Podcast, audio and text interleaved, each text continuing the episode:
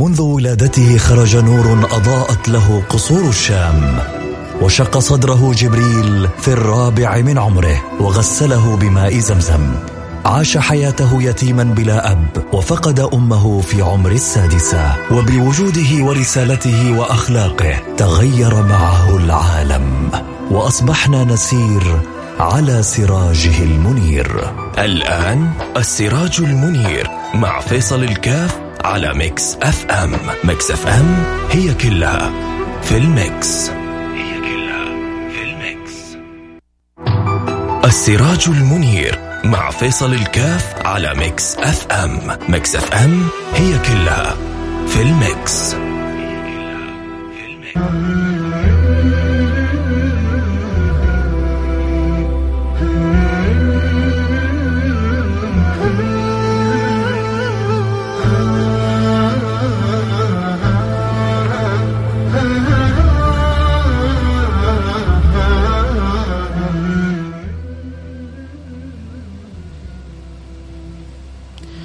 بسم الله الرحمن الرحيم. الحمد لله والصلاة والسلام على رسول الله وعلى آله وصحبه ومن والاه وأسأل المولى سبحانه وتعالى أن يوفقنا وإياكم لما يحبه ويرضاه وأن يملأ قلوبنا حبا وتعلقا بهذا النبي المصطفى صلى الله عليه وعلى آله وصحبه وسلم وأن كما رزقنا ذكره في الدنيا أن يرزقنا صحبته في الآخرة. اللهم آمين يا رب العالمين.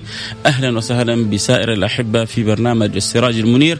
البرنامج الذي نتذاكر نحن وإياكم فيه أخبار البشير النذير ونحن وإياكم في باب شمائل النبي المصطفى صلى الله عليه وعلى آله وصحبه وسلم. ومررنا على فصول من شؤون شمائله الخلقية وقلنا أن الشمائل تحتوي على الشمائل الخلقية والشمائل الخلقية. لهذا الحبيب المصطفى صلى الله عليه وعلى آله وصحبه وسلم وما أجمل وما ألذ وما أطيب الحديث عن سيرة هذا الحبيب الذي ما أحب الله مثله أحدا كما قال سيدنا كما قال سيدنا ابن عباس ما خلق الله ولا ذرى ولا برى نفسا أكرم عليه من محمد. فنحن وإياكم نتذاكر ذلك الأجمل ذلك الأعطر ذلك الأزهر ذلك الأنور. حبيبكم رسول الله صلى الله عليه وعلى آله وصحبه وسلم. وحقيقة كل وصف من أوصافه يحير العقول، كل وصف من أوصافه يحير بالأذهان، أعيا الورى عن فهم معناه فليس يرى في القرب والبعد فيه غير منفحم، أعيا الورى عن فهم معناه، لا يستطيع الإنسان أن يدرك عظمة هذا الإنسان لأن الذي أوجد وخلق هذا الإنسان هو المولى تعالى في علاه منزه عن شريك في محاسنه. أي من الخلق. فجوهر الحسن فيه غير منقسم. من هو؟ حبيبكم محمد صلى الله عليه وعلى آله وصحبه وسلم. ونحن وإياكم نتناقل في تلك الأخبار. نصل إلى ثمرة من ثمرات ما تذكرنا ألا وهو باب الشمائل في شأن تعامله مع أهله. والأهل والتعامل الذي يكون بين النبي صلى الله عليه وعلى آله وسلم وبين أزواجه إذا ذكرنا الأهل لربما يتبادر إلى الذهن أو يشمل هذا المعنى مباشرة أزواج النبي صلى الله عليه وعلى آله وصحبه وسلم وهذا معنى صحيح. ولكن كذلك يشمل المعنى لربما بنات النبي وأحفاد النبي بل وقد يتسع المعنى حتى إلى موالي النبي ومن كان في خدمة النبي المصطفى صلى الله عليه وعلى آله وصحبه وسلم فكل هؤلاء ممن كانوا في بيته وممن كانوا لهم الحياة الخاصة مع رسول الله. الإنسان في بيته تعامله غير تعامله مع خارج بيته. ولذلك سبحان الله يكون حاله مختلف وتكون مباسطته مختلفة وتكون شؤونه مختلفة آه الهيبة آه التعامل آه الذي قد تضطره أو يضطر له القائد أو صاحب المنصب أو صاحب المكان في الخارج ليس من العقل أن يكون كذلك في تعامله مع أهله. أنت عندما تتعامل مع أهلك أنت تتعامل مع نصفك الثاني. عندما تتعامل مع أهلك أنت تتعامل مع روحك وقلبك ومن هم جزء منك. أنا من أهوى ومن أهوى أنا. نحن روحاني حللنا جسد. شؤون التعلق والتحبب والتباسط والتلاطف. هذا أمر طبيعي أن يكون في البيوت. قلة من الناس قلة من الأزواج لربما يروا أنه إذا تعاملنا مع زوجاتنا بشيء من التلاطف أو شيء من التباسط إنه هذا في منقصة من هيبتي، في منقصة من الاحترام الذي ينبغي أن أفرضه في البيت، في منقصة من التعامل مع أولادي، لا لا لا لا. تأمل في سيرة النبي محمد. انظر إلى حبيبك رسول الله كيف كان يعامل أزواجه والله ما هناك إنسان أكثر انشغال ولا أعظم مسؤولية ولا صاحب هم أكبر مما كان عليه رسول الله صلى الله عليه وعلى آله وصحبه وسلم. ومع ذلك مع كل تلك المسؤولية ما هو مسؤولية آه، شركة ولا مسؤولية آه، دولة مسؤولية كون كون بأكمله. النبي صلى الله عليه وسلم كان يذكر عن أنبياء إنه كانوا يبعثون لناس خاصة لأمم خاصة وهو بعث للناس كافة. بعث للعالمين للإنس وللجن كل هؤلاء كانوا تحت مسؤولية النبي محمد صلى الله عليه وعلى آله وصحبه وسلم. هذا الانشغال الكامل بالكون وما فيه امتثال لأمر الله سبحانه وتعالى ما ما عطلوا ولا جعلوا يهمل أو يسيء أو يقصر في تعامله مع زوجاته في تعامله مع بناته في تعامله مع أحفاده وأصباطه في تعامله مع خدمه ومواليه. شيء عجيب هذا الحبيب. تحتار ولكن أليس هو الأكمل في الخلق؟ أليس هو النموذج الفريد الكامل المكمل الذي أوجده الله سبحانه وتعالى في هذه الدنيا؟ فلا بد أن يكون هكذا. ولذلك إذا ذكرنا النبي صلى الله عليه وعلى آله وسلم. ذكرنا باب تعامل حتى نرتشف حتى نقتبس حتى كل واحد بعد ذلك يتأمل هو في بيته. يا ترى هل أنا في بيتي أقوم بالشيء مما يقوم به رسول الله؟ النبي صلى الله عليه وعلى آله وسلم يقوم حتى بأدوار في بيته.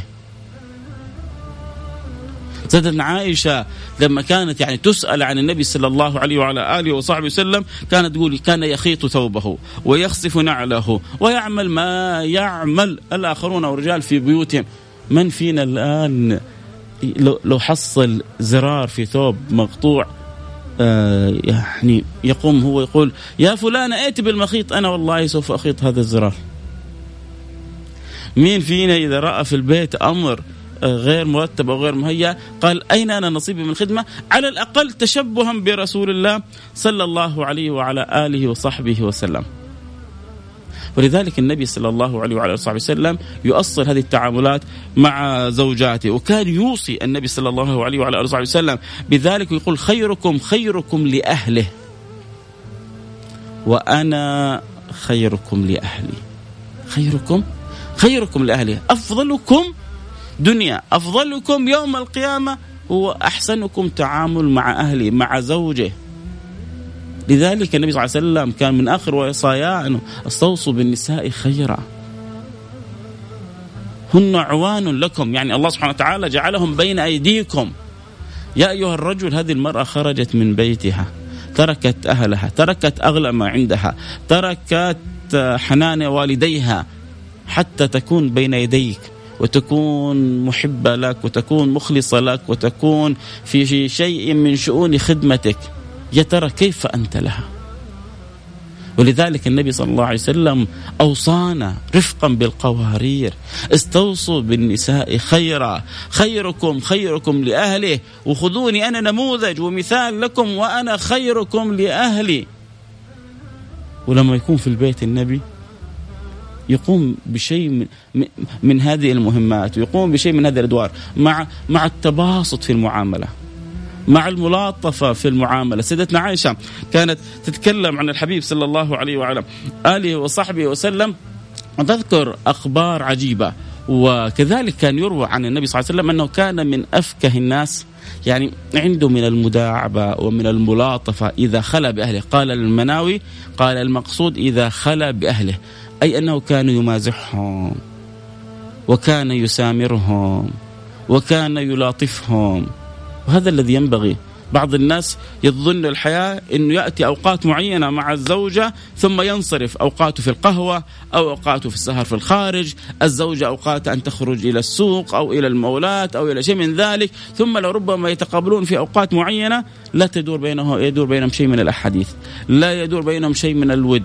لا يدور بينهم شيء من الكلام والسواليف التي لربما يحتاج الزوج والزوجة أن يتسامروا عليها. النبي صلى الله عليه وعلى آله وصحبه وسلم يوم من الأيام كان يسامر نساءه ويحكيهم بحديث فقالت أحد زوجات النبي صلى الله عليه وعلى آله وصحبه وسلم كأنه حديث خرافة كأنه حديث خرافة فالنبي صلى الله عليه وسلم تخيل معلش يعني أنت زوجتك تتكلم معاه وتقول لك يعني مثل إيش جالس تقول لنا أنت؟ إيش الكلام اللي جالس تجيبه؟ فبعضهم تاخذه الشكيم وبعضهم تاخذه كذا. العزة النبي صلى الله عليه وعلى آله وصحبه وسلم بكل لطف هو سيد البشر. وهم اللي يعرفوا إنه ما ينطق عن الهوى. وهو المعصوم صلى الله عليه وعلى آله وصحبه وسلم. وزوجته وهو يسامر زوجاته ويحدثهم بحديث. ويكلمهم بكلام. في شيء من الأخبار في شيء من القصص في شيء من الملاطفة في شيء من آه، آه، آه، الروح والروحانية والمداعبة. تجتمع هذه الحديث كلها في كلام النبي صلى الله عليه وعلى آله وصحبه وسلم. وتاتي وتقطع هذا ال هذا يعني زي ما يقولوا هذا المود ولا هذا الجو الجميل أو هذا الجلسة اللطيفة. وتقول له يا رسول الله وكأنه حديث خرافة. فيقول لهم النبي أتعرفون من خرافة؟ إنه رجل أخذه الجن. فرأى ما رأى من العجائب. ثم ردوه إلى الإنس. النبي صلى الله عليه وعلى آله وصحبه وسلم يحكي عن خرافة هذا. يقول هذا رجل خطفه الجن. فرأى ما رأى من الأعاجيب في حياتهم. ثم ردوه الإنس. عندما ردوه الإنس أخذ يحدث بما رأى من الأعاجيب. فقالت الناس حديث خرافة. فصار بعد ذلك يقال عن هذا الحديث أنه حديث خرافة لما آه، يعني بعض العقول أحيانا بعض الأخبار يصعب عليها تقبلها أو ما تكون على النمط أو طريقة التفكير اللي هي تفكر فيها فما تستوعب فأطلقت من تلك القصة آه، قصة أو آه، كلمة حديث خرافة. وما عاتب النبي صلى الله عليه وسلم ولا انزعج رسول الله صلى الله عليه وسلم ولا عاتب كيف تقولين لي هذا الكلام وأنا سيد البشر؟ كيف تقولين لي هذا الكلام وأنا الذي ائتمني الله سبحانه وتعالى على خزائن السماوات والأرض؟ كيف تقولين لي هذا الكلام وأنت تعرفين من أنا؟ ولا شيء. وأخذ الأمر بالابتسامة. حتى بعض التصرفات التي تكون بين زوجات النبي صلى الله عليه وعلى آله وصحبه وسلم. يوم من الأيام آه، حضر ضيوف عند سيدتنا عائشة في بيت سيدتنا عائشة. أرسلت سيدتنا أم سلمة قصعة. قصعة فيها شيء من الطعام. فالنبي صلى الله عليه وعلى آله وصحبه وسلم قال لهم كلوا بسم الله. بدأ يأكلوا. سيدتنا عائشة الضيوف فين؟ الضيوف في بيتها. أخذت هي تلت وتعجن وتطبخ وتخبز وتجهز طعامها على عجل. فلما جهزت طعامها والنبي صلى الله عليه وعلى آله وسلم وأصحابه يأكلوا الطعام. ابغاك أنت تتخيل الموقف هذا؟ مو إحنا آه، أحيانا الدعاء المثالية سهل لكن إسقاطه على الواقع ما هو سهل. عشان كذا ابغاك تعيش أنت معي القصة. أنت الآن عندك ضيوف في بيتك. ووضعت أمامهم طعام. في الأخير آه، من الذي في الوجه؟ من في الواجهة؟ أنت. أنت هم في بيتك والضيوف عندك. وضع طعام. فجأة في وسط الطعام يؤخذ طعام ويوضع طعام آخر وترمى تلك الصحفة وتكسر أمام الضيوف. إيش أنت موقفك؟ جاء ولدك شال صحن وحط صحن ورمى صحن والضيوف يتفرجوا. صح؟ بصح النبي صلى الله عليه وعلى آله وصحبه وسلم والموقف هذا كله يصير أمامه. سيدتنا عائشة جاءت مسرعة بعد عن عجنت وهيأت طعامها أخذت صحن سيدتنا أم سلمة ووضعت صحنها ثم بعد ذلك سقط منها أو رمته فانكسر. وكأن الأمر مدبر. النبي صلى الله عليه وعلى آله وصحبه وسلم قال كلمة واحدة. وبعدين قالها بحنانة وقالها بحب وقالها بلطافة وقالها بأدب وقالها بذوق. يحير بالعقول.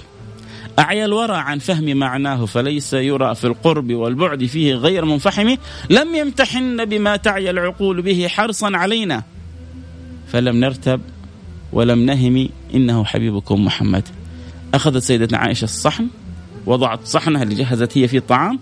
أخذت صحن أم سلمة وما زال في طعام. سقط من يديها كسر. النبي قال كلمة واحدة غارت أمكم عائشة. كلوا بسم الله. ما كأنه شيء صار يا جماعة. غارت أمكم عائشة كلوا بسم الله. خلصوا من الطعام أخذ النبي صلى الله عليه وسلم صحن سيدتنا عائشة صحفة سيدتنا عائشة وقال آه لمن عنده أرجعوا لأم سلمة. وقال النبي واعطى عبارة بميزان عشان سيدنا عائشة ما تتأثر كيف أن يأخذ صحني. طعام بطعام وإناء بإناء. طعام بطعام وإناء بإناء أنت كسرتي صحنها وأعطيناها صحن. وما تبقى من الطعام كان في طعام ورجعنا لها طعام طعام بطعام وإناء بإناء هكذا هو تعامل النبي المصطفى صلى الله عليه وعلى آله وصحبه وسلم. سيدتنا عائشة تقول وتحكي وتوصف جمال تعامل النبي محمد صلى الله عليه وعلى آله وسلم في مباسطته لها في تعامله مع. كلنا يعرف كيف النبي كان يحب سيدتنا عائشة. تقول كنت إذا شربت من الإناء أخذ ذلك الإناء فوضع فمه في موضع فمي. أنا أخذت الكأس هذه وشربت من هذه الجهة من ها في هذا المكان. يأخذ الكأس نفسها ويشرب ويضع فمه في موضع فم سيدتنا عائشة. أنت بس تخيل الموقف مع كل الحب. مع كل التعظيم مع كل الاحترام سيدة عائشة التي قدرها فوق الرأس لكن من يكون الخلق كلهم عند رسول الله؟ فلما يجي النبي صلى الله عليه وعلى وسلم ويتلمس الإناء ويضع فمه في موضع فم سيدتنا عائشة إيش, إيش الإحساس بالملاطفة هذا؟ إيش الإحساس بالجمال هذا؟ كان كان يدللها وكان يلاطفها كانت تقول كان يضع فمه في موضع فمه في الإناء وكذلك ينهش آه، من اللحم الذي آه، كنت آكل منه وكان يتكئ في حجري وهو يقرأ القرآن. إذا أكلت من آه، موضع أكل من الموضع هذا وإذا شربت شرب من نفس الموضع. وإذا جاء يقرأ القرآن كان يتك على حجرها وكان يقرأ القرآن. المعاملة هذه نفسها لوحدها تأثر بالقلب السماع بس. السماع لوحده يأثر بالقلب فكيف المعاملة؟ يوم من الأيام سيدتنا عائشة يروى أنه سيدتنا عائشة في رواية ورواية أنه النبي كان يحكي أنه النساء كانوا جالسين مع بعضهم وقرروا قرابه ال 11 امرأة كل واحدة تحكي أو تصف زوجها. فأخذت كل واحدة تصف زوجها فكان أحسن وصف وصف أم زرع لأبي زرع. وصف أم زرع لأبي زرع. النبي صلى الله عليه وعلى آله وصحبه وسلم مباشرة قال لها وكنت أنا لك كأبي زرع لأم زرع. لكن سيدنا عائشة ما رضت. إيش أبو زرع؟ عند حبيبي محمد صلى الله عليه وعلى آله وصحبه وسلم. فلا شك أن حال النبي مع سيدنا عائشة يفوق. لكن النبي من من من مباسطته. أول حاجة أول حاجة أول درس مهم نتعلمه إنه النساء يحتاجوا إلى من يسمع لهم. سيدتنا عائشة جالسة بتسامر النبي النبي النبي يا جماعة اللي مشغول بهم الإنس مشغول بهم الجن مشغول بهم الكون مشغول بهم الصحابة مشغول ب ب بتلك الأمور كلها هداية وصلاحا ورغبة في نفع ونجاح الأمة ومع ذلك الحبيب المصطفى صلى الله عليه وعلى آله وصحبه وسلم لا يتوانى أن يعطي لكل حق لكل ذي حق حقه. فكان النبي صلى الله عليه وعلى آله وصحبه وسلم يجلس ويستمع لسيدتنا عائشة وتحكي إنه في حريم جلسوا واجتمعوا وكل واحدة توصف زوجها. ولك إن النبي حول هذا الأمر وهذا المجلس إلى فائدة. لما جاءت توصف أو تخبر أن أم زرع أحسنت وصف آه، أبو زرع فاجتمعت الآراء أنه أحسن زوج هو أبو زرع لأم زرع. قال لها النبي وأنا لك كأبي زرع لأم زرع. لكن سيدنا عائشة تعلم أن النبي صلى الله عليه وسلم هو الأعظم. ولا يقارن أبو زرع ولا مئة من أبي زرع برسول الله صلى الله عليه وعلى آله وصحبه وسلم. سيدتنا عائشة كانت من من تعامل النبي الجميل معها كان يسابقها، كان يلاطفها، يوم من الأيام هي تحكي إن كانت في يوم من الأيام مع رسول الله صلى الله عليه وسلم وكانوا يسيرون في طريق فقدم النبي أصحابه ثم سابق سيدتنا عائشة. ما بقى إلا هو وهي فسابقها فسبقته. سبقته هي تقول يعني لأنه كان عندها في خفة في لحمة. كانت يعني يبدو إنها مع الزمن سمنت. هي لها وجهين. أنا يعني وجهة نظر القاصرة الصغيرة. إما إنه سيدنا رسول الله يبغى يلاطف سيدتنا عائشه يبغى يفرحها فخلاها تفوز عليه أو إنها بالفعل كان جسمها أخف مع صغر السن فاستطاعت في البداية أن تسبق رسول الله. فلها الوجهين لأنه النبي قد يجبر بخاطرها فيجعلها تسبق رسول الله صلى الله عليه وعلى اله وسلم. دارت الأيام النبي شجعها كذلك أن تسابقه. وتسابق النبي معها فسبقها رسول الله. طيب المفروض إنه بالعكس سيدتنا عائشة لأنه النبي كل سنة بيزداد سنه وهو بعدين تزوجها على كبر فالمفروض إنه يكون أصعب لكنه سبقها. فلما سبقها قال لسيدتنا عائشة هذه بتلك هذه بتلك زوج يتسابق مع زوجته زوج يلاطف زوجته زوج يستمع زوجته حتى عندما تغضب يوم من الأيام سيدتنا عائشة قدمت طعام. ذلك الطعام كانت حاضرة فيه سيدتنا سودة آه تقول لها كلي كلي من هذا الطعام. فما رضيت تأكل سيدتنا سودة فقالت لها إما تأكلي من تلك الخزيرة خزيرة صغار صغار اللحم وإلا لطختك به. تخيل النبي جالس وسيدتنا سودة موجودة وسيدتنا عائشة موجودة وفي شوية ارتفاع أصوات وشوية يعني أنت ليش ما تبغى تاكلي من أكلي؟ ليه هو أكلي يعني ما تعرفوا أحيانا المرأة لما تطبخ طبخ كده وفرحانة لزوجها وتيجي الزوجة الثانية ما تاكل ليه هو في أكلي في طعامي شيء أنت تبغى توصلي رسالة معينة؟ يعني يحصل سبحان الله من البشرية ما يحصل فتقول لها كلي. فقالت لا لا ماني ماكلة. قالت لها حتاكلي ولا حلطخك بالطعام يعني كانها حتاخذ الأكل هذا وتحطه في فمها بالقوة. النبي جالس والنبي صلى الله عليه وسلم امام الطعام وسيدتنا سودة ما رضيت تاكل. فأخذت الخزير هذه صغار اللحم فوضعته في في يعني في وجه سيدتنا آه، سودة. اخذت سيدنا سودة شيء من الطعام هذا ووضعته في سيدتنا عائشة. النبي صلى الله عليه وسلم جلس يضحك. وكان كثير التبسم. وكان يلاطف وكان يمازح وكان يداعب وكان يسامر وكان يتودد لزوجاتي ولبناتي ولأولادي ولأحفادي. حبيبكم محمد صلى الله عليه وعلى آله وصحبه وسلم. حنواصل الحديث. وحنتكلم عن تعامل النبي صلى الله عليه وعلى آله وصحبه وسلم. قلنا في التعامل مع آه، أهل بيته آه، نبغى نذكر كيف كان تعامله مع يعني ولو مواقف مع سيدتنا فاطمة الزهراء مع الحسن والحسين آه، قرة العين مع سيدنا أنس اللي كان في خدمة النبي محمد. ما زلنا في الكلام عن شمائل النبي المصطفى في تعامله مع أهل بيته. المهم أنه نأخذ نصيبنا. المهم وإحنا نسمع نقول يا رب من قلوبنا يا رب مثل ما وفقت النبي اللي كان مشغول بأمر الأمة بكلها. مو الأمة في زمانه؟ لا والله لا والله. مو هو اللي كان يدعو يدعو ليل نهار للأمة بكلها؟ أليس كان جزء من مهمته الانشغال بهداية ودعوة الأمة كلها؟ ومع ذلك ومع هذا الانشغال كله ما عمره يوم قصر في تعامله لا مع زوجه ولا مع اولاده ولا مع أهل بيته. أنا أول المقصرين وكل واحد مننا عنده تقصير. كيف نجعل من سماعنا للحلقة هذه من متابعتنا للحلقة هذه ننوي في داخلنا نقول يا رب مثل ما أعنت النبي أعنا ومثل ما ساعدت النبي ساعدنا ومثل ما أخذت بيد النبي خذ بيدنا عشان نكون خيرنا لأهلنا خيركم خيركم لأهلي اللهم اجعلني واجعل كل من يتابع وكل من يستمع خيرا لأهله كما أوصى النبي خيركم خيركم لأهله وأنا خيركم لأهلي. اللهم آمين. يا رب العالمين. أكيد ما زال الحديث بقية. نسأل الله سبحانه وتعالى أن يوفقنا وإياكم لما يحب ويرضاه اللهم آمين. يا رب العالمين. وصلى الله وسلم على سيدنا حبيبنا محمد وعلى آله وصحبه أجمعين. والحمد لله رب العالمين.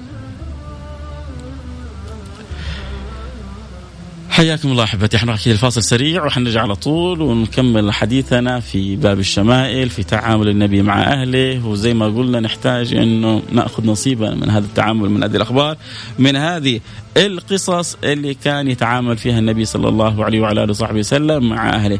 لما كانت تزعل سيدتنا عائشة إيش كان يسوي النبي؟ يسوي حركة جميلة. حركة جميلة بيعملها الرسول صلى الله عليه وسلم. حقول لكم إياها بعد الفاصل. حنروح الفاصل ونرجع نواصل وأقول لكم إيش كان النبي يسوي بعد سيدتنا عائشة لما تزعل سيدتنا عائشة. ويعرف متى تكون زعلانة ومتى تكون مبسوطة. كله بعد الفاصل. آه، اللي حيتابع الحلقة أكيد صوت وصورة. ينضم لنا على الانستغرام live @فيصل كاف. آه، ممكن تتابع الحلقة صوت وصورة. تفتح على الانستغرام live. F A I S A L K A F تابع على الانستغرام live الآن أو تابع عبر الأثير مثل ما تحب. فاصل ونرجع نواصل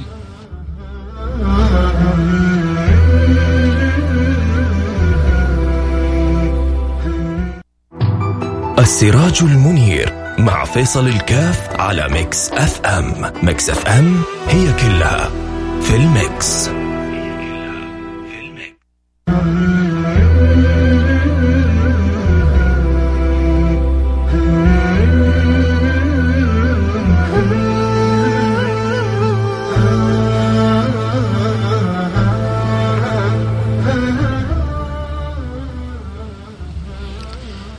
بسم الله الرحمن الرحيم. الحمد لله والصلاة والسلام على رسول الله وعلى آله وصحبه ومن والاه. حياكم الله أحبتي في برنامج السراج المنير. نتحدث وإياكم فيه عن أخبار البشير النذير. حبيبكم محمد صلى الله عليه وعلى آله وصحبه وسلم. ونحن وإياكم في باب عظيم من أبواب الحديث عن سيدي رسول الله. ألا, ألا وهو باب الشمائل. والمقصد من تلك الشمائل ومن تلك الأخلاق ومن تلك الصفات أن نأخذ حظنا ونصيبنا منها فنتخلق بأخلاق رسول الله صلى الله عليه وعلى آله وصحبه وسلم. مربنا جعلوا لنا أسوة وجعلوا لنا قدوة. لقد كان لكم في رسول الله أسوة حسنة. مو المقصد هي لا هي أساطير تروى ولا حكايات تحكى لكنها أخبار عن ثقات نخبر بها من حال سيد السادات حبيبكم محمد صلى الله عليه وعلى آله وصحبه وسلم فنبحث عن نصيبنا منها فنبحث عن شؤون آه، حياتنا وكيف هي في ارتباطها واتصالها بالحبيب المصطفى. ليش؟ الله سبحانه وتعالى لو شاء أرسل لنا ملك. ليش أرسل الله لنا بشر عشان نستطيع أن نقتدي به عشان نستطيع أن نرتبط به عشان نستطيع أن نأخذ عنه عشان نستطيع أن يكون لنا شيء ولو ذرة من حال ذلك الحبيب المصطفى صلى الله عليه وعلى آله وصحبه وسلم. ثم جاء لنا هذا البشر في في حياته في طريقة تعامله في صور فيها تشابه من حياتنا. تزوج فنحن نتزوج كما تزوج أنجب فأنجبنا كما آه، أنجب. تعامل مع عنده خدم وعنده موالي عندنا سائقين وعندنا خادمات فالحياة فيها أوجه من أوجه التشابه من حيث الظاهر يبقى من حيث الحقيقة نصيبنا من الأخذ والتلقي عن رسول الله. كيف الواحد يدرك معنى رفقا بالقوارير؟ يدرك معنى بالذات وإحنا نتكلم الآن في حلقتنا هذه عن تعامل النبي مع أهله. مو, مو الشمائل صحيح لربما نذكر لكم صفات وأحاديث لكن الأهم إسقاطها على الواقع. الأهم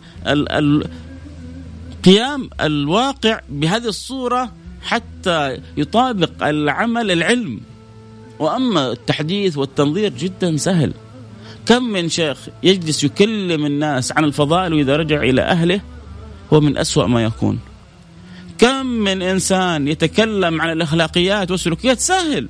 أفتح كتاب وأخذ ما فيه من المعاني التي تذهل بالعقول والألباب وأحدثهم عنها وإذا رجعت إلى أهلي كنت أسوأ ما أكون. إيش الفائدة؟ القرآن وهو القرآن إما أن يكون حجة لك أو حجة عليك. فهذه القصص وهذه الأخبار وهذه الآثار وهذه الأحاديث ينبغي أن نأخذ نصيبنا منها. ولذلك عندما نسلط الضوء على الشمائل حتى يقول الواحد أين أنا من شمائل رسول الله؟ وينوي ويقول يا رب أسمعتني عرفتني على شيء من الشمائل خلقني بهذه الأخلاق. قول يا رب وربنا قادر يساعدك. وربنا قادر يعينك. والنبي صلى الله عليه وعلى آله وصحبه وسلم حبيبكم رسول الله وإذا ذكر النبي يا جماعة صلوا عليه. البخيل من ذكرت عنده فلم يصلي عليه. اللهم صل وسلم وبارك عليه وعلى آله وصحبه وسلم. يوم من الأيام مسك بكتف سيدنا معاذ بن جبل فقالوا يا معاذ إني أحبك في الله. ووالله لو ما في حياة سيدنا معاذ إلا هذه الكلمة لكفته دنيا وآخرة. أن يعيش سعيد أن يعيش في هنا أن يعيش في فرح أن يعيش في سرور. مين اللي بيقول لك أني أحبك؟ أنت تتمنى أنك أنت تكون صادق في حب النبي. النبي هو اللي بيقول لك أنا أحبك. الله يوعدنا يا جماعة. الله يكرمنا يا رب إذا إذا يوم القيامة وقفنا بين يدي رسول الله. مين فينا ما يشتاق النبي يمسك بكتفه بمنكبة ويقول له يا فلان ترى أنا أحبك. إذا قال لك رسول الله أنا أحبك تتخيل إن الله ما يحبك؟ إذا قال لك النبي انه أحبك يا فلان فأنت من أقرب المقربين عند رب العالمين. وإذا أحبك الله ورسوله. لا تسل عن حالك. الله الله الله يكرمنا. يا رب يا رب يا رب يا رب يا رب يا رب. اجعلنا ممن يدخلون في تلك الدائرة ممن يكرمون بذلك النداء يوم القيامة أن نكون من أقرب الخلق إلى رسول الله ويقول لنا رسول الله إني أحبك يا فيصل إني أحبك يا فلان إني أحبك يا هذا يا ذاك حتى نسعد كلنا بحب رسول الله. إني أحبك يا معاذ فلا تدعنا دبر كل صلاة. اللهم أعني على ذكرك وعلى شكرك وعلى حسن عبادتك. فالعون من الله سبحانه وتعالى وإحنا نسمع الشمائل هذه ليش ما يعيننا الله سبحانه وتعالى؟ يعين. أنت أصدق في النية أصدق في الطلب وسوف تجد العجب العجاب من عون الله سبحانه وتعالى لك في هذا الأمر.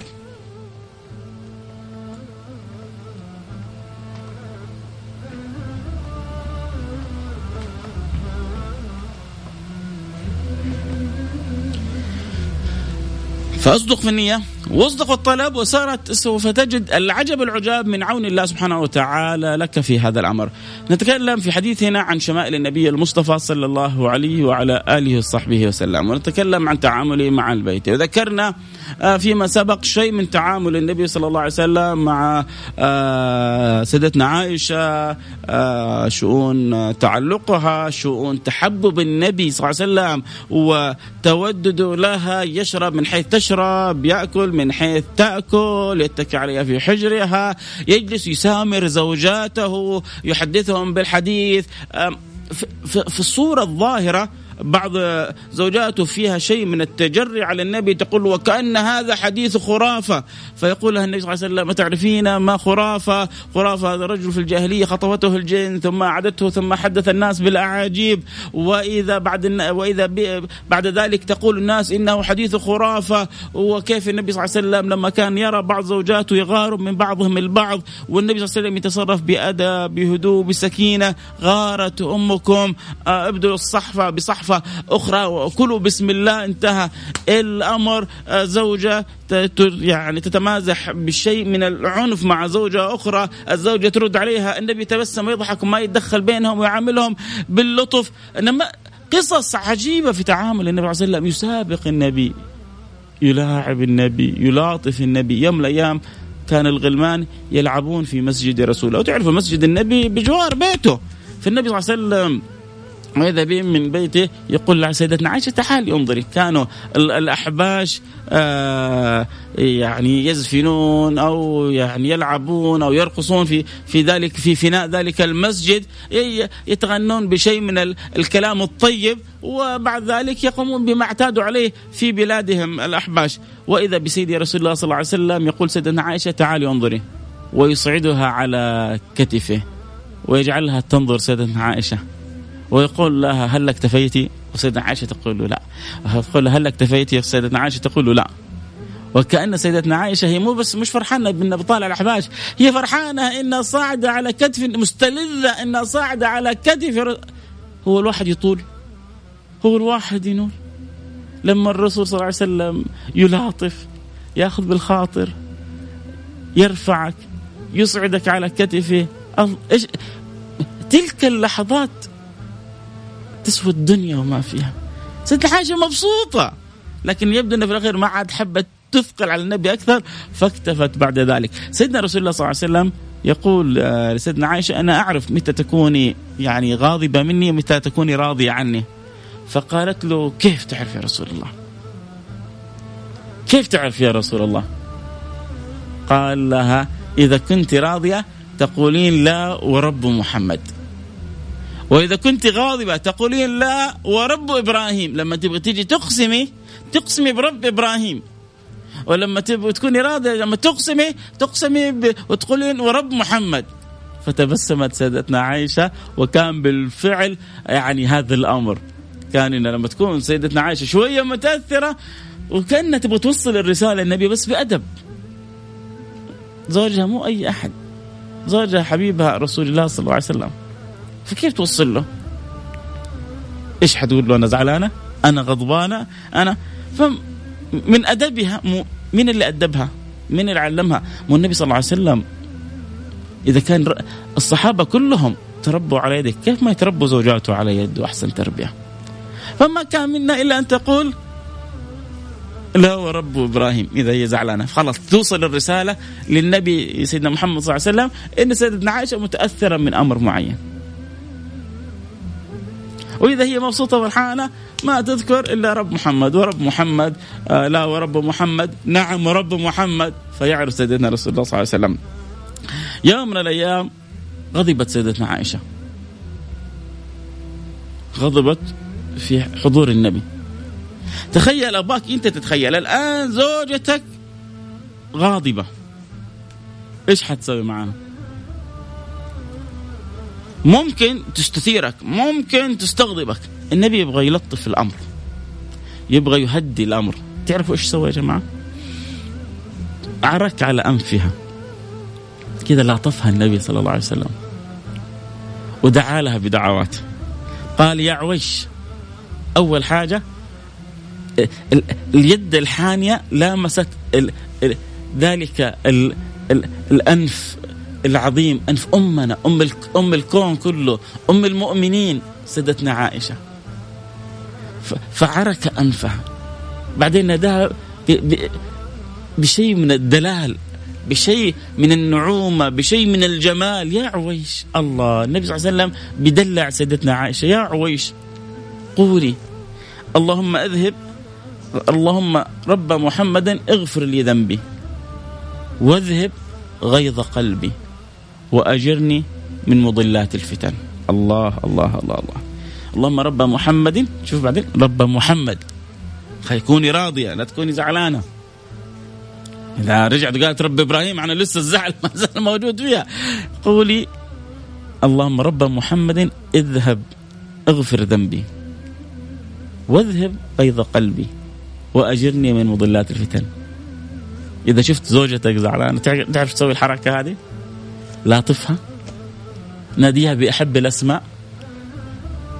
أجري حديث يسري عنها ما فيها, ما فيها من غضب.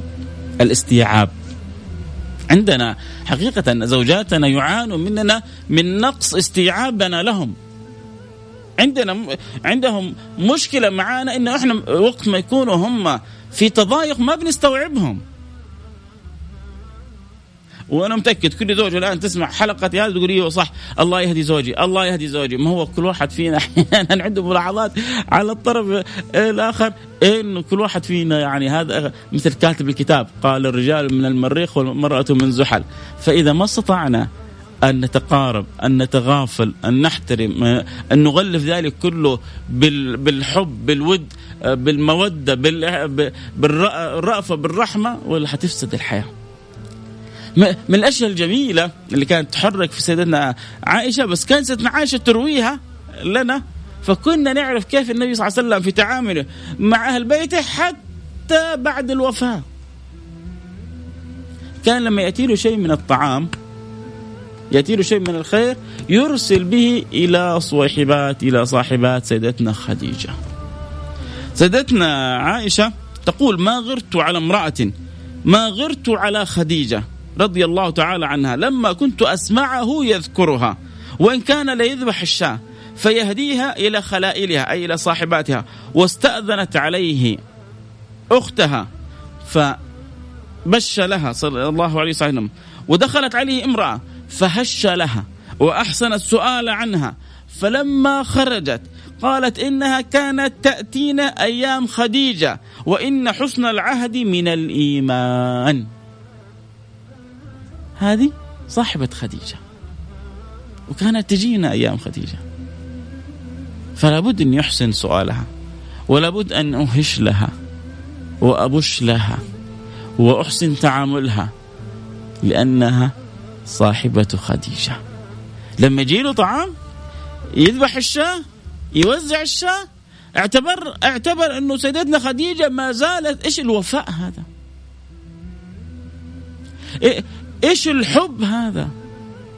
إيش الشمائل هذه؟ إيش الأخلاق النبوية هذه؟ إيش التعامل هذا يا جماعة؟ حتى بعد وفاتها حتى بعد وفاتها ما زال بارا في صلته بها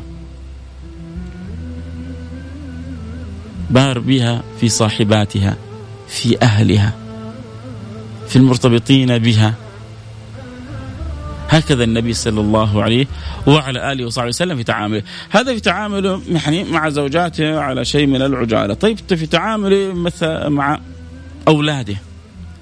مباشرة إذا ذكرنا تعامله مع أولاده على طول أول نموذج يظهر لنا مباشرة النموذج الفاطمي نموذج سيدتنا فاطمة بنت رسول الله. سيدة نساء العالمين.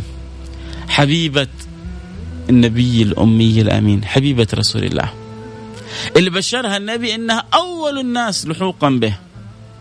وهذه البشارة ما أحد عرفها غيرها هي. النبي صلى الله عليه وعلى آله وسلم سارها. وقال لها إنه قربت وفاته بكت. قال لها إنك أول أهل لحوقا بي فرحت. في أحد يفرح بالموت؟ في أحد يفرح بالانتقال؟ لكن إذا كانت فيها صحبة خير الرجال إيوه أفرح. إذا كان فيها الارتباط بمولى بلال أيوه افرح مو سيدنا بلال لما كان يموت حرمته وزوجته تقول وكربا يقول له بل وقرباه غدا ألقى الأحبة محمدا وصحبه إذا أنا رايح عند هذولا إذا أنا رايح عند صحابي إذا رايح عند حبيبي بالعكس السعادة والفرح والسرور كله هناك. هذا الذي كان يفرح سيدتنا فاطمة. طبعا سيدتنا عائشة لما حضر ذلك الموقف قالت ما رأيت بكاء اختلط بفرح مثل ذلك الموقف في حياتي كلها. حاولت تعرف ان سيدتنا فاطمة إيش القصة؟ ما رضيت سيدتنا فاطمة تقول. بعد ما توفى النبي سيدتنا عائشة لسه تفكر هذا الموقف قدام عينها. سيدتنا فاطمة تبكي. شوية سيدتنا فاطمة يعني تتبسم وتفرح. إيش الحزن اللي اختلط بالفرح هذا في لحظات؟ سألتها بعد الوفاة فأخبرتها. إن سيدي رسول الله أخبرني بقرب وفاتي فبكيت وأخبرني بأني أول أهلي لحوقا به ففرحت. نقطة على السطر. سيدتنا عائشة تحكي عن سيدتنا فاطمة فتقول ما رأيت أحدا كان أشبه سمتا وهديا برسول الله صلى الله عليه وعلى آله وسلم من فاطمة. ما رأيت أحد أشبه سمت أخلاق هدي. أدب برسول الله من فاطمة. وهذا أمر طبيعي. هي بنت أبيها. هي بنت أبيها. كيف ما تكون كذا؟ أبوها من؟ أمها من؟ جعلها الله السبب في الحفاظ على النسل الطاهر آل بيت رسول الله صلى الله عليه وعلى آله وصحبه وسلم. ذلك. ذلك الباب تلك الذرية أولئك الآل الذين جعلهم الله من بضعة أمنا فاطمة الزهراء. تلك المرأة العظيمة حبيبة رسول الله. العجيب أن النبي صلى الله عليه وعلى آله وصحبه وسلم يتعامل معها تعامل خاص. أبغاك تتخيل أنت الآن عندك بنت أكيد تحبها ومتعلق بها. بس هل حتسوي معاها؟ مثل ما سوى النبي مع بنته فاطمة مو فاطمة كانت تلقب بأم أبيها. أم أبيها. فاطمة من شدة حبها تعاملها حنانتها. حرص أحيانا يعني كأنها أم الرسول صلى الله عليه وعلى آله وصحبه وسلم. كانت تلقب بأم أبيها. ولذلك كانت إذا أقبلت على رسول الله صلى الله عليه وعلى آله وصحبه وسلم. مين اللي يروي الموقف هذا سيدتنا عائشة؟ تقول هي كانت إذا دخلت عليه قام لها. إنك أنت تقوم لأبوك طبيعي تقوم لأمك طبيعي بس عمركم عمركم شفتوا أب يقوم لأولاده بصراحة خلونا نكون صادقين. عمركم شفتوا أحد يقوم لأولاده؟ بس فاطمة في قلب النبي غير. سيدتي قرة عين فاطمة كانت في قلب النبي غير. فإذا أقبلت على رسول الله قام لها رسول الله وقبلها بين عينيها قبلها في جبينها وأجلسها مكانه. وكان إذا أقبل عليها رسول الله قام قامت له وقبلته بين عينيه. تمسك راسه كده وتضع له قبلة وتقبله في جبينه في أعلى راسه بين عينيه. كان إذا أقبل عليها رسول الله قامت له. طبعا هذا طبيعي. طبيعي إنه هي تقوم لرسول. أول حاجة لأنه أبوها ثاني ثاني حاجة لأنه رسول الله. قيامي للعزيز علي فرض وترك الفرض ما هو مستحيل. وعجبت لمن له عقل وفهم. يرى هذا الجمال فلا يقوم. يقال أنها تنسب تنسب هذه الأبيات لسيدنا حسان بن ثابت. لما دخل رسول الله فقاموا. قال قيامي للعزيز علي فرض وترك الفرض أمر مستحيل. عجبت لمن له عقل وفهم. يرى هذا الجمال فلا يقوم. هو في أحد يقدر يشوف هذا الجمال وما يقف له احترام. سدتنا فاطمة إذا أقبل عليها رسول الله قامت لرسول الله. وقبلته بين عينيه وأجلسته مكانه. ف سيدي رسول الله كان شديد الحب لسيدتنا فاطمة. ومع ذلك يوم من الأيام سيدنا علي وسيدة فاطمة يعني ما يحصل بين الأزواج. فسيدنا علي كأنه كان يشكو شيء في صدره. فشكت هي كذلك إنه من الرحى والطحن يدها كذلك متأثرة. الله. يد مين يا جماعة؟ يد سيدتي وسيدتك. يد يد سيدة نساء العالمين. يد امرأة هي صفوة النساء. يد حبيبة رسول الله. أنت متخيل؟ بعضنا الآن يظن أنه ما يبغى بنته تسوي حاجة أنه يحبها. أنت تضرها. إذا ما تعلمها المسؤولية. إذا ما تعلمها تقوم بدورها. إذا ما تعلمها تأخذ نصيبها وحظها. من تحمل المسؤولية من الخدمة من المعرفة من القيام ببعض الأمور البيتية وغيرها. لا لا لا أنا بنتي ما تسوي كذا. لا لا أنا بنتي ما يمكن أدخلها المطبخ. لا لا أنا يمكن بنتي ما أخليها ترتب حاجة. ليش عندنا الخدم وعندنا الحشم وعندنا بنتي ما تسوي؟ ليه ليه ليه؟ بنتك على راسها ريشة؟ شوف سيدتنا فاطمة. الراحة الطحن أثر في يدها. إلين أصاب يدها ما أصابها. سيدنا علي رثيها. ذلك الرحيم. قال لها إن أباك أتى له سبي اذهبي له لعله أن يعطيك خادم. راحت مباشرة عن سيد رسول الله امتثال الأمر زوجها. النبي عرف طلبها. قال لها النبي إن شئت أعطيتك خادم وإن شئت علمتك ما هو أفضل من ذلك. على طول إيش في أفضل؟ أبغى الأفضل. قال تسب تكب تسبح الله 33 وتحمد الله 33 وتكبرين الله 34 عند مضجعك ذلك خير لك من خادم. هذا الحب. هذا القياس النبوي في الحب. تبغى القياس النبوي ولا قياسك أنت الخاص فيك؟ القياس النبوي كيف أربطها بالله؟ كيف أعلقها بالله؟ كيف فهمها إنه إذا عانك الله سبحانه وتعالى حتشوفين الأمور مختلفة. كيف إنك أنت قيامك وخدمتك لزوجك ولبيتك هذا شرف وهذه سعادة وهذا خير وهذا نور وهذا أجر عند الله سبحانه وتعالى. ما هو الدنيا بكل أصلا ما لها قيمة عند سيدي رسول الله. فما فما في حصوفه على شيء في الدنيا. لأن الدنيا بكلها ما لها تلك القيمة عند سيدي رسول الله. اتعبي شوية؟ ما دام في خدمة زوجك في خدمة والدك في خدمة أهلك مجتمعك أسرتك. أنت السعيدة أنت أنت الكسبانة. هكذا سيد كان سيد رسول الله مع شدة الحب. كان حريص انه يوجه ويربي سيدة فاطمة بالتربية الصحيحة والتعامل الصحيح. سيدنا الحسن كان ياخذه كان يحمله جاي يصلي. خرج إلى الصلاة وهو حامل سيدنا الحسن. وضعه عند قدميه. وصلى سيدي رسول الله صلى الله عليه وعلى وصحبه وسلم. في الصلاة طول السجود. وتخيل أنت النبي لما يعني يصلي صلاة معتادين منه يصلوا كل يوم مع النبي. فمعتادين منه وقت للسجود وقت للركوع. المرة هذه طول طول مرة. بعد ما انتهت الصلاة أنت دحين الآن حتصلي بعد شوية أحد الصلوات. بعد وأنت تسمعني. جاء ولدك طلع على ظهرك بصراحة. حتجلس ساجد إلين يخلص ولدك وينبسط وينزل. وبعدين تكمل صلاتك ولا على طول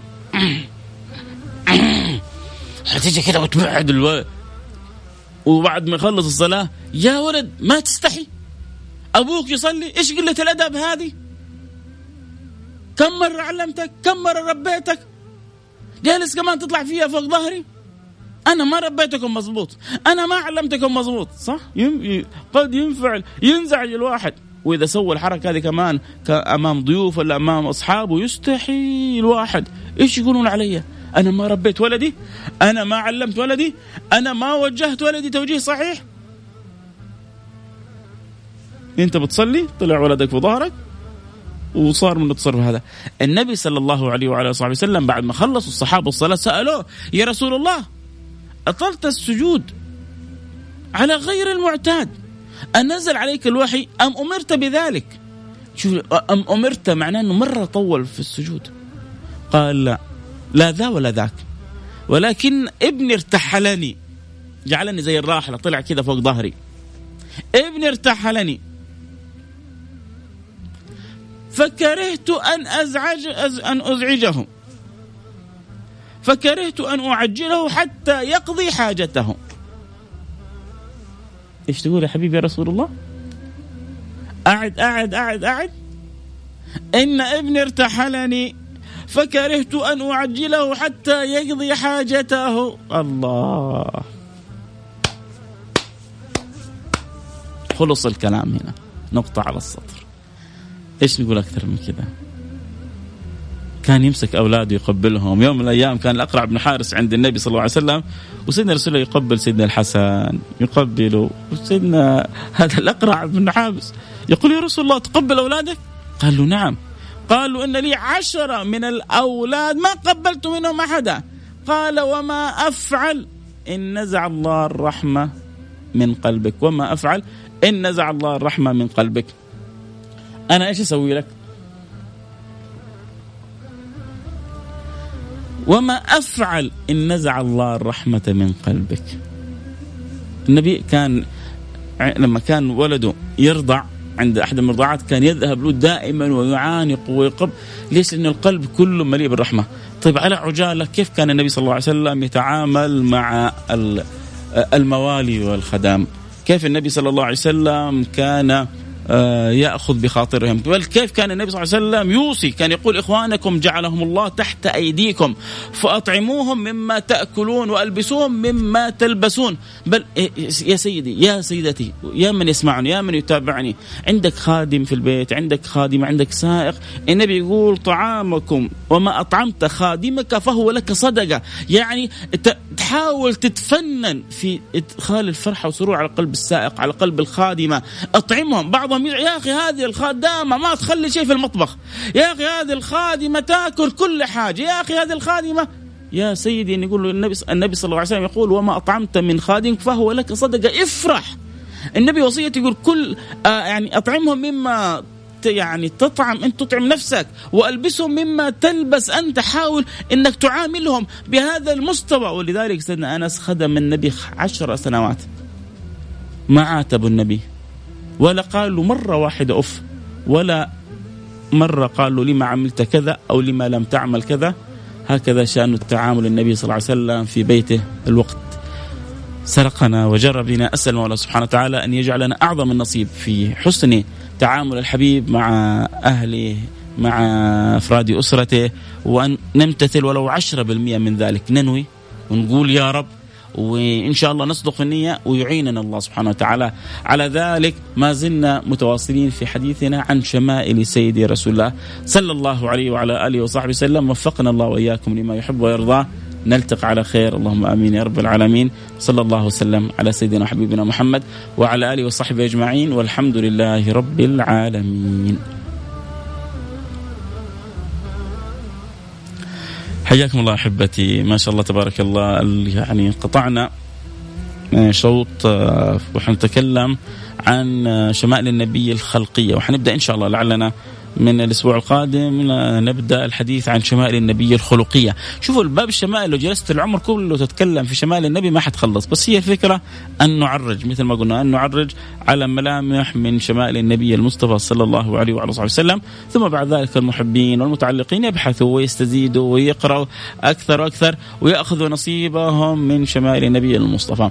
آه طبعا كل اللي بيتابعوا على الإنستغرام أنا بقول لهم سعداء جدا. بعضهم ما شاء الله بيتابع بالراديو يتابع صوت وصورة بالإنستغرام. و في ناس بصريين يحبوا يتابعوا صوت وصورة فأكيد الإنستغرام لايف مفتوح. F A I S A L K A F بنبث الحلقة هذه كل الحلقات اليومية تقريبا ما عدا السبت من الساعة واحدة للساعة الثانية ظهر. آه، ودائما بقول للمستمتعين أكيد وللمستانسين إنهم يحرصوا على أصحابهم أن يأخذوا نصيبهم من البرنامج ومن الحلقات حتى تتم الفائدة بإذن الله سبحانه وتعالى. الله يوفقنا وإياكم لما يحب ويرضى. آه، أنا سعيد جدا إنه ربي آه، مكرمنا بالحديث عن سيدي رسول الله. آه، الحلقة الآن بعد ما تنتهي إن شاء الله بعد عشر دقائق. ممكن يستطيع الإنسان متابعتها من جديد على الإنستغرام لايف اللي انضموا لنا في آخر الحلقة أو يحبوا يسمعوها مرة أخرى أو يحبوا أن يرشدوا أحد من أصحابهم لسماعها. وكذلك فريق اقرأ مشكورا صور الحلقة إن شاء الله. قريب يبثها على الهواء على قناة اقرأ الفضائية وربي يوفقنا وإياكم لما يحب ويرضاه نختم حلقتنا بالدعاء كالعادة. نسأل الله سبحانه وتعالى أن يقبل الدعوات ويعجل بالإجابات. بسم الله الرحمن الرحيم. الحمد لله رب العالمين. اللهم صل وسلم على سيدنا حبيبنا محمد وعلى آله وصحبه أجمعين. اللهم يا واحد يا أحد يا فرد يا صمد يا حي يا قيوم يا رحمن يا رحيم. يا من لا تخيب من دعاك ولا ترد من رجاك نسألك أن تقبلنا وأن ترضى عنا وأن تصلح لنا أحوالنا وأن تزكينا وأن تنقينا وأن تصفينا وأن تجعلنا من المفلحين. اللهم اهدنا بهداك واجعلنا ممن يسارع في رضاك ولا تولنا وليا سواك. واقبلنا على ما فينا وارحمنا برحمتك الواسعة. اللهم ردنا إليك مردا جميلا. اللهم تب علينا توبة نصوح. تطهرنا بها قلبا وجسما وروح يا رب العالمين. اللهم نسألك توبة قبل الموت وشهادة عند الموت ومغفرة بعد الموت وعفو عند الحساب وأمام العذاب. وأن ترزقنا الجنة وأن ترزقنا النظر وجهك الكريم واجعلنا من الوجوه الناظرة التي هي إلى ربها ناظرة. وجوه يومئذ مسفرة ضاحكة مستبشرة. اجعلها وجوهنا يا رب اجعلها وجوهنا. وجوه يومئذ مسفرة ضاحكة مستبشرة. وارحمنا وارحم أحبتنا برحمتك الواسعة إنك أرحم الراحمين. اللهم وفق خادم الحرمين الشريفين لكل ما يحب ويرضى.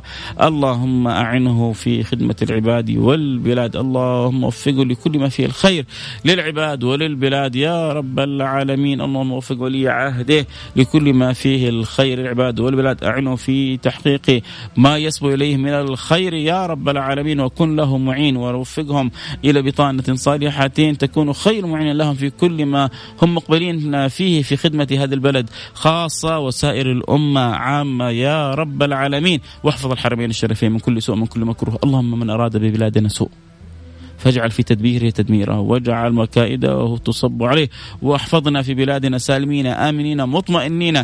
يا رب العالمين وارحمنا وارحم أحبتنا برحمتك الواسعة إنك أرحم الراحمين. اللهم ومن وليته شيئا من أمر أمة النبي المصطفى. اللهم فاصلح الراعي والرحية والرعية واصلح الأمة المحمدية واصرف وارفع عنا وعنهم كل شر وبلية وأذية. وانشر راية الدين في مشارق الأرض وغربها يا رب العالمين وعز العزة الإسلام والمسلمين وأذل الشرك والمشركين واهزم أعداءك أعداء الدين. يا قوي يا متين واجعلنا وأحبتنا. وكل من يسمعنا وكل من يتابع معنا مفاتيح للخير مغاليق للشر. وقبلنا على ما فينا وردنا إليك مردا جميلا. واحسن خاتمتنا وأنت راضي عنا وصلى الله وسلم على سيدنا حبيبنا محمد وعلى آله وصحبه أجمعين. والحمد لله رب العالمين. نلتقي على خير أحبتي. في أمان الله.